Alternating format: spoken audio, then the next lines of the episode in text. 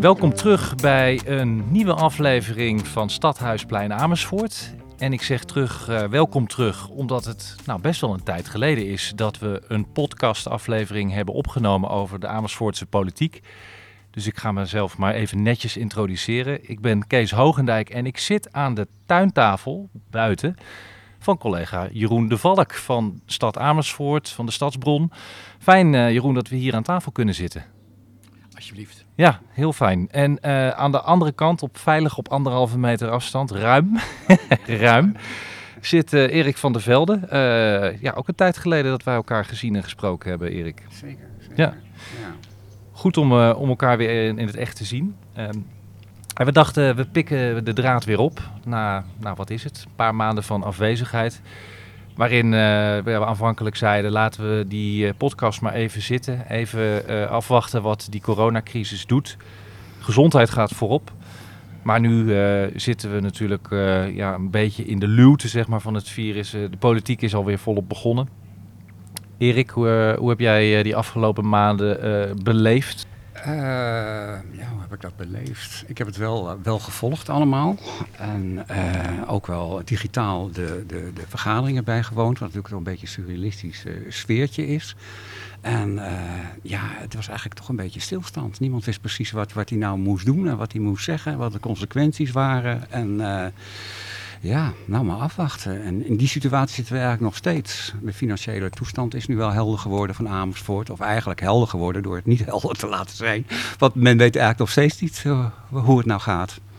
En, ja, maar ik, uh, als ik alvast mag, een voorschotje mag nemen. Ik vond het toch wel redelijk bemoedigend als je wethouder Stegeman de financiële toestand hoort uitleggen. En daarna ook nog een accountant van, van Deloitte.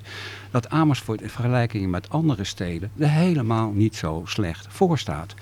Wat ik mezelf eigenlijk niet had gerealiseerd, dat Amersfoort uh, uh, uh, aardig wat reserves heeft. gewoon goed, boven gemiddeld, of in ieder geval gemiddeld zoals met andere steden. En dat ze zelfs heel weinig schulden hebben. En dat is zelfs beter als menige andere stad. de accountant van Deloitte gaf een 8. En er zijn natuurlijk heel veel onzekerheden. Er wordt gerekend op incidenteel tussen de 10 en 15 miljoen tussen twee jaar, wat dan een schadepost is vanwege corona.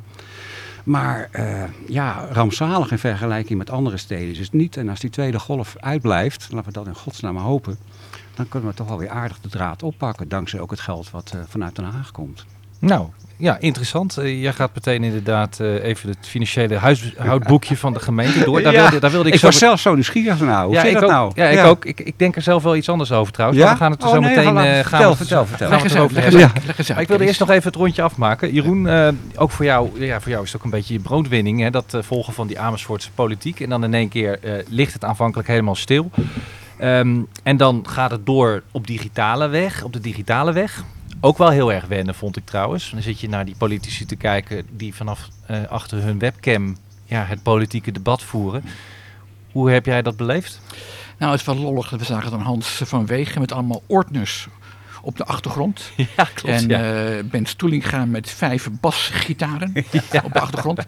Hij is een andere blik op die raad. En wat ik altijd wel lollig vond, vooral vroeger met Ad Meijer van de SP. Die zat dan langzaam, was dat grote lijf, werd het helemaal groen van, van ergernis. En dan schreed hij naar het spreekgestoelte. En dan tik je op de microfoon, hoor je pok pok. En dan zei hij, meneer de voorzitter. Dat is helemaal geen sprake meer van. Je vraagt toestemming aan de griffie om aan het woord te mogen komen. En dan geef je kort en zakelijk, kom je aan het woord en dan komt de volgende.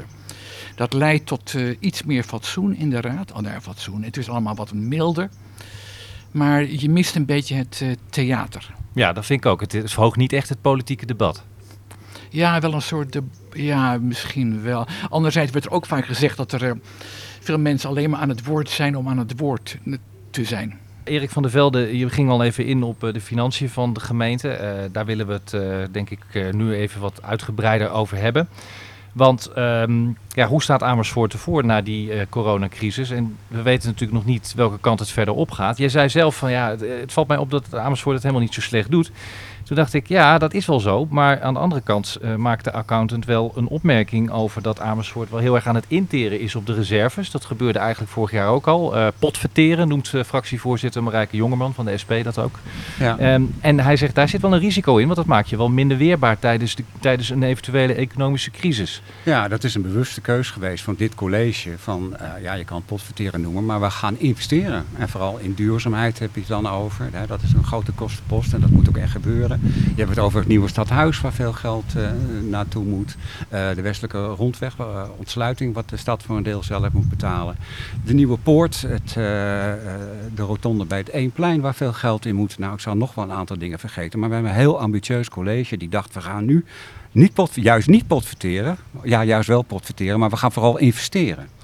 En ja, dat komt nou wel op losse schroeven te staan. Maar het, het mooie nieuws is dat we dus kennelijk zoveel geld hebben.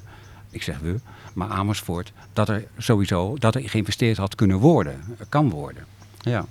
Want, want even voor de leek, als er niks gebeurt, dan stevent de gemeente af uh, in, in een paar jaar tijd op een tekort van 45 miljoen euro. Een paar jaar tijd, ja, vijf, zes jaar tijd. Gewoon. Ja, precies. Ja. Ja, ja. ja. Um, kijk, ja, het is natuurlijk niet mijn spaarrekening en mijn huishoudboekje, dus het gaat over hele andere soort bedragen. Maar het klinkt natuurlijk als heel erg veel. Uh, tegelijkertijd een, een gemeente als, Amers, als Amsterdam eh, dan praat je al gauw over een tekort eh, wat kan, zou kunnen oplopen tot boven de 100, 150 miljoen euro. Ja. ja. dus, dus ja, die bedragen ja, zijn ook een beetje abstract volgens mij voor veel mensen.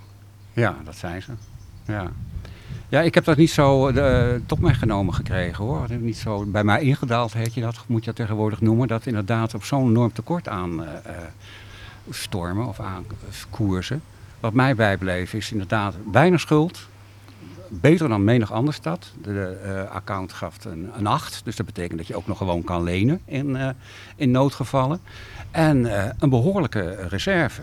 En ja, die reserve werd nu stevig geïnvesteerd voor de komende jaren. Ja, daar moet misschien dan de rem op.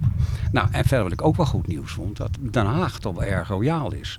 Men weet nog niet precies hoeveel, maar dat groot deel van de corona tekorten uh, uh, wordt opgevangen door Den Haag, dat is toch ook wel weer duidelijk. Dus ja, voor de komende twee jaar, tussen de 10 en de 15 miljoen had de wethouder het over. Dat is dan het risico of het bedrag wat de stad zelf moet ophoesten. Ja. Nou, de oppositiepartijen die ik sprak, CDA, eh, nou goed, het is natuurlijk een beetje het verkende verhaal, bekende verhaal, maar uh, CDA, SP, uh, Amersfoort 2014, Rob Molenkamp als eenmansfractie, die maken zich allemaal grote zorgen. Die zeggen, ja, er moet echt een keuze gemaakt worden. Die duurzaamheidsagenda, die kost zoveel geld. Als je kijkt naar het Amersfoort als enige stad, hè, tot 2030, in 2030 aardgasvrij wil zijn. Ja. Het kost zoveel geld, neem daar wat langer de tijd voor. dat is wat je wel hoort vanuit de oppositie. En dat zou veel geld schelen. Jeroen de Valk, Um, hoor jij die bezorgde geluiden ook? Ik hoor die ook. Ja, het aardgas vrijmaken kost heel veel geld. Er is een bepaald deel in Amersfoort waar de gemeente heel veel geld in wil steken.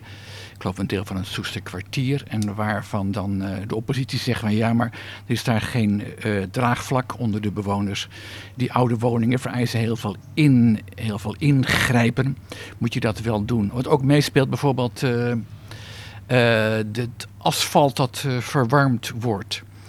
Dat komt in een deel van de rondweg, zou dat moeten komen, waar toch een behoorlijk wat schaduw is. Dan is de vraag, loont dat de moeite? Moet je het eigenlijk wel gaan doen? Dus uitgaven worden tegen het licht ge ja, maar het zijn wel hele ambitieuze uitgaven. Je zou het bijna luxe uitgaven kunnen noemen. Nieuw beleid. Nou ja, dat moet dan misschien een beetje terug. maar dat is toch wat anders dan echt streng bezuinigen op de zaken die absoluut noodzakelijk zijn. Ja, ja, Nou, toch was het ook bijvoorbeeld Dillian Hos, fractievoorzitter GroenLinks, die zegt, ja, ja, die denkt toch al hardop na over wel bezuinigen. Die zegt, nou, misschien moeten de parkeertarieven hier in Amersfoort omhoog. Of moeten we een toeristenbelasting gaan invoeren. Ja. Uh, want als we niks doen, uh, we blijven interen op die uh, reserves, ja, dan lopen we wel een risico. Ja, Thias Bijlt van D66 en Maarten Flikkema van, VV, van de VVD zeggen, nou zo vaart loopt het allemaal niet. laten nee. we dan inderdaad eventjes rustig de tijd nemen om te bekijken wat de consequenties zijn. Dat zei de accountant van Deloitte ook, ja. van geen, ja. geen paniek, nee. een balans zoeken, rustig. Ja, Jeroen? Ja, nou heel kort, die, die parkeertarieven omhoog. Ik heb een soort raadsenquête voor de stadsbronnen gehouden. En bijzonder was dat SP en VVD het roerend eens waren. Die zeiden, als je die verhoogt, dan wordt parkeren iets voor de bovenlaag van de bevolking. En dat vinden wij niet wenselijk. Dat nee. zeiden ze allebei. Die zeiden allebei, nee, dat moet je eigenlijk uh, niet doen. Maar ja, Nederland zit gewoon sowieso natuurlijk in een rampzalige situatie. Dat doet het mij toch, geeft het enige opluchting dat Amersfoort er dan relatief redelijk goed voor staat. En dat vond ik wel verrassend. Wat ik zelf ook nooit zo had beseft, ik heb het allemaal nog meegemaakt, jullie ook, dat Amersfoort min of meer onder curatele stond van de provincie. Hè? Dan hebben we het over 2013. We kwamen heel slecht zonder ervoor in de bouwcrisis. En in 2014 konden gewoon weer reserves worden opgebouwd. En stevig ook. Goh, had ik me helemaal niet zo gerealiseerd. Nee, dat is absoluut waar. Ja. Je hoort misschien uh, als luisteraar af en toe een beetje wind door die microfoon waaien. Dat is natuurlijk voor ons ook even nieuw. We zitten buiten en normaal zitten we in de espresso bar van uh, Bibliotheek Eemland. Ik weet niet eens of die alweer open is, die espresso bar. Uh, inmiddels is het 1 juli geweest en kan daar weer natuurlijk weer wat meer. Maar we hebben er toch maar voor gekozen om deze opname een keer buiten te doen. Dus hoor je af en toe een, een vogeltje fluiten of wat wind. Het heeft ook wel weer wat voor de sfeer. Um, nou, dank Jeroen voor deze, voor deze aanvulling. We hebben het over Amersfoort uh, uh, midden of misschien wel nou, een beetje zo in de loot van die, uh, van die coronacrisis. Er komt ook nog eens een politiek reces aan zometeen. We kunnen niet in de glazen bol kijken natuurlijk. Maar Erik, je constateert, nou, Amersfoort staat er eigenlijk best goed voor. Relatief hè? Relatief. Relatief. Ja. Dus, dus mocht er een, een, een recessie komen, um, ja, dan kunnen we wel wat tikken opvangen denk je. Nou ja, je moet inderdaad het ambitieniveau zou je moeten bijstellen. Hè. Duurzaamheid noemde jij al, Jeroen. Nou, dat zal dan inderdaad wat minder moeten. Ja, uh, die nieuwe uh, stadhuis, wat, wat 55 miljoen moet gaan kosten of zoiets. Ja, kan dat dan wel? Zou je dan toch nog een keertje moeten kijken naar uh, het oude stadhuis, of je dat alsnog kan renoveren. SP had daar ook een opmerking over. Er is een miljoen uitgegeven aan onderzoek om te kijken of je het oude stadhuis goed kan renoveren. Een miljoen. Nou, dat schuif je zomaar weg door het putje. En je gaat kies nou toch weer voor een nieuw gebouw. Ja, ja, ja, nou ja, het onderzoek is voor een miljoen is wel gedaan. Misschien moet je daar weer, toch weer opnieuw naar kijken. Naar het, uh, naar het oude stadhuis.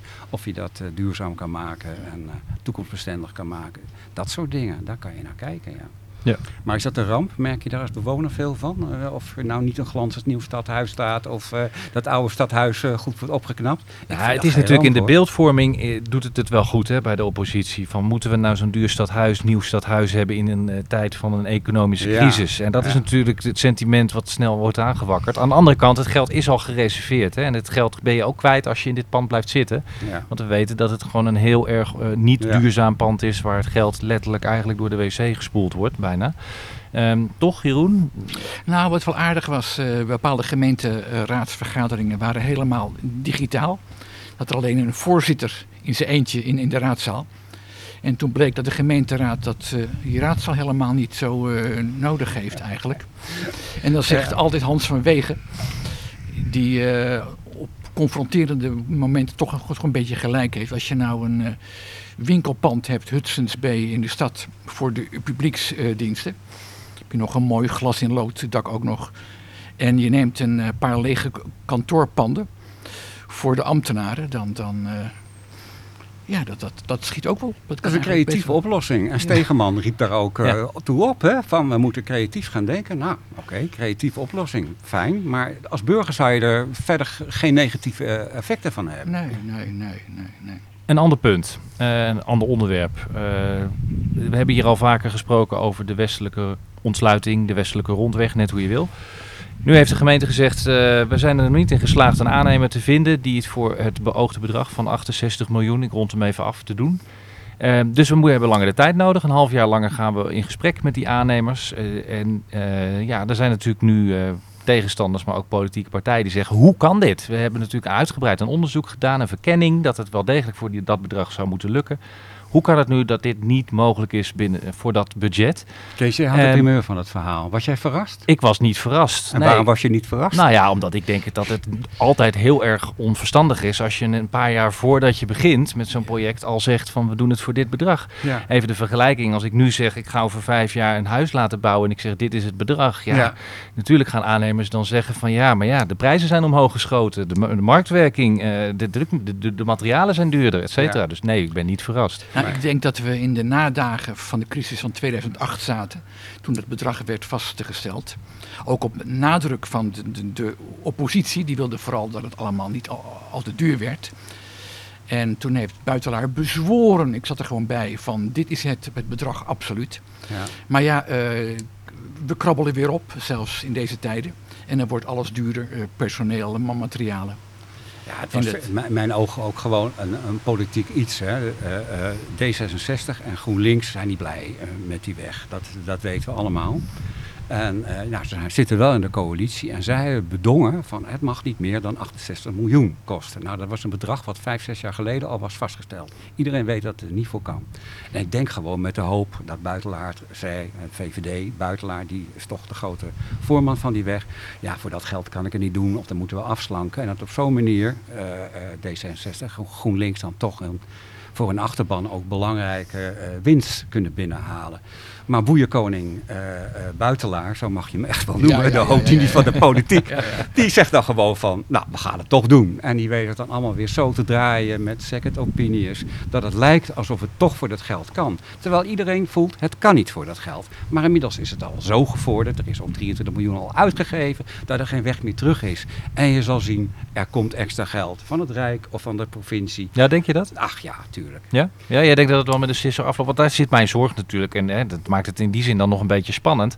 Kijk, GroenLinks is natuurlijk heel helder geweest van dit kostenplaatje is voor ons heel belangrijk. Misschien dat, dat zij nog wel sterker daar waren, in waren dan D66. Dus geld vanuit de gemeenteraad zie ik er niet bij komen. Nee, maar er is, eh, er is een pot verder. Er zit miljoenen en miljoenen in. En je had kunnen zeggen van we gaan naar die pot verder. Van de provincie heeft daar veel geld in gestopt. Gaan we kijken of we dat bedrag van eh 68 of 60 miljoen, hoeveel was het precies, of we dat kunnen verhogen. Dan heb je een goed verhaal, want inderdaad alle kosten zijn hoger geworden. De bouwcrisis eh, is voorbij. Eh, aannemers, eh, eh, wegenbouwers moeten ook de schade die ze toen hebben gelopen ook een beetje inhalen. Dan had je een goed verhaal naar, naar die pot verder toe. Ja, hij zinspeelt zelf en dat vind ik wel interessant. Ja. Toen ik hem daarna vroeg, eh, zou het ook kunnen betekenen dat het project wordt uitgekleed. Want je hebt natuurlijk een. eh, het belangrijkste knelpunt van die rondweg is natuurlijk, dat weten we allemaal, is die, sper, die sperweg, die spoorwegovergang daar bij de dierentuin. Ja. Eh, waarvan betwist wordt of dat nou echt zo'n knelpunt is. Want als je daar nu 's ochtends staat, dan staat er een auto of acht. Maar de verwachting van de gemeente is dat dat in de komende jaren dat het daar flink drukker wordt en dat dat echt een bottleneck wordt. Nou zou je natuurlijk kunnen zeggen, dan pakken we alleen maar dat eh, eh, kruispunt daar, die spoorwegovergang aan. En die weg, die laten we verder liggen. Dat laten we verder zitten, want dat kost gewoon te veel geld. Buitelaar zin speelde daar wel op. Dat dat een, een mogelijkheid zou Ja. kunnen zijn. En dat ook de NS daaraan mee zou betalen, want die hebben er Ja, belang bij. precies. ProRail eh, is natuurlijk mede aanbesteden. Handig, Ja. handig. Ja. Dus eh, En hij het is hij- ook bekend dat het Rijk al heeft geroepen, die heeft 400 miljoen eh, eh, eh, bestempeld om de, we- de wegenbouw na deze coronacrisis een extra zwing te geven. Nou ja, daar kan natuurlijk ook eh, Amersfoort een beroep op doen op dat geld. Ja, maar ik denk toch, ja, misschien dat ik, eh, dat ik het verkeerd zie hoor. Maar dat de tijd wel een beetje veranderd is. Als je nu kijkt naar hè, hoeveel mensen er in de auto stappen, thuiswerken, waarvan altijd gedacht werd dat doen mensen niet en dat wordt niet geaccepteerd. Veel mensen werken thuis, bazen zien, eh, werkgevers zien dat dat op een goede manier kan. Dan vraag ik me af eh, of je nu nog, te, nog steeds kan verdedigen dat, dat er zo'n sterke verkeerstoename daar gaat plaatsvinden. Waardoor die, hè, wat de rechtvaardiging is voor dat hele project. Ehm, dus ja, ik moet het nog maar zien. Ik zou best, het zou mij niet verbazen als blijkt eh, dat, dat eh, die spoorwegovergang aangepakt wordt en die weg uiteindelijk niet aangelegd wordt. Dat zou een enorm gezichtsverlies zijn voor buitelaar. Maar goed, jij denkt, even te rond, je, je- je- dan begin ik even bij jou Jeroen, jij denkt die weg gaat er gewoon komen. Nou ja, ik heb wel bewondering. Ik ben het niet altijd met hem eens, maar ik heb bewondering voor hoe- volhardend hij, hij, hij, hij blijft. Nou, met jullie hangen het heel erg op aan zijn persoon, hè? maar hij is natuurlijk in feite is, wethou- is wethouder buitenlaan natuurlijk gewoon de uitvoerder van een besluit wat de Ja, gemeenteraad ik- heeft ik, genomen. Ik denk wel dat het natuurlijk het vereist een hele eh, volhardende wethouder om dit eh, vol te houden. En steeds maar te blijven verdedigen, zodat de meerderheid er ook voor blijft. Het is een heel belangrijk dossier voor de, voor de VVD geweest, hè? echt en nog steeds. Het, eh, eh, ik geloof ook niet dat mensen eh, allemaal weten hoe, wat, wat de voorgeschiedenis is geweest. Eh, VVD was van overtuigd al heel lang die weg moeten komen. Andere partijen twijfelden. D66 ook. Op een gegeven moment vond D66 het heel belangrijk dat het Elisabeth-terrein bij de Randenbroekpark, we zitten hier vlakbij, dat de bewoners daar dat gedeelte groen mochten houden. D66 ging achter die bewoners staan. Achteraf denkt iedereen van, had daar nou maar huizen gebouwd. Maar goed, dat is gedane zaken.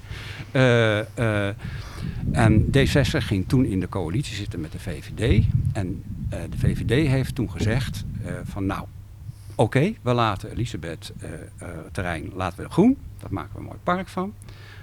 Dat willen jullie graag, want jullie staan achter die bewoners. Maar D66, daar moeten jullie wel mee met die weg van de, uh, van de westelijke ontsluiting. Nou, dat heeft D66 gedaan. Zeg man, ik zou nog uren willen blijven, maar we moeten ook een beetje gaan afronden. Het is, het is onze eerste podcast weer sinds maanden. Gezellig. het is wel gezellig zo buiten. Ja, ja, ja. ja. Zeg, wij hebben natuurlijk een, uh, zelf een soort reces achter de rug, omdat we niet bij elkaar kwamen. Maar gaan wij door met de podcast uh, in, in augustus? Want we kunnen natuurlijk wel weer vooruit gaan blikken.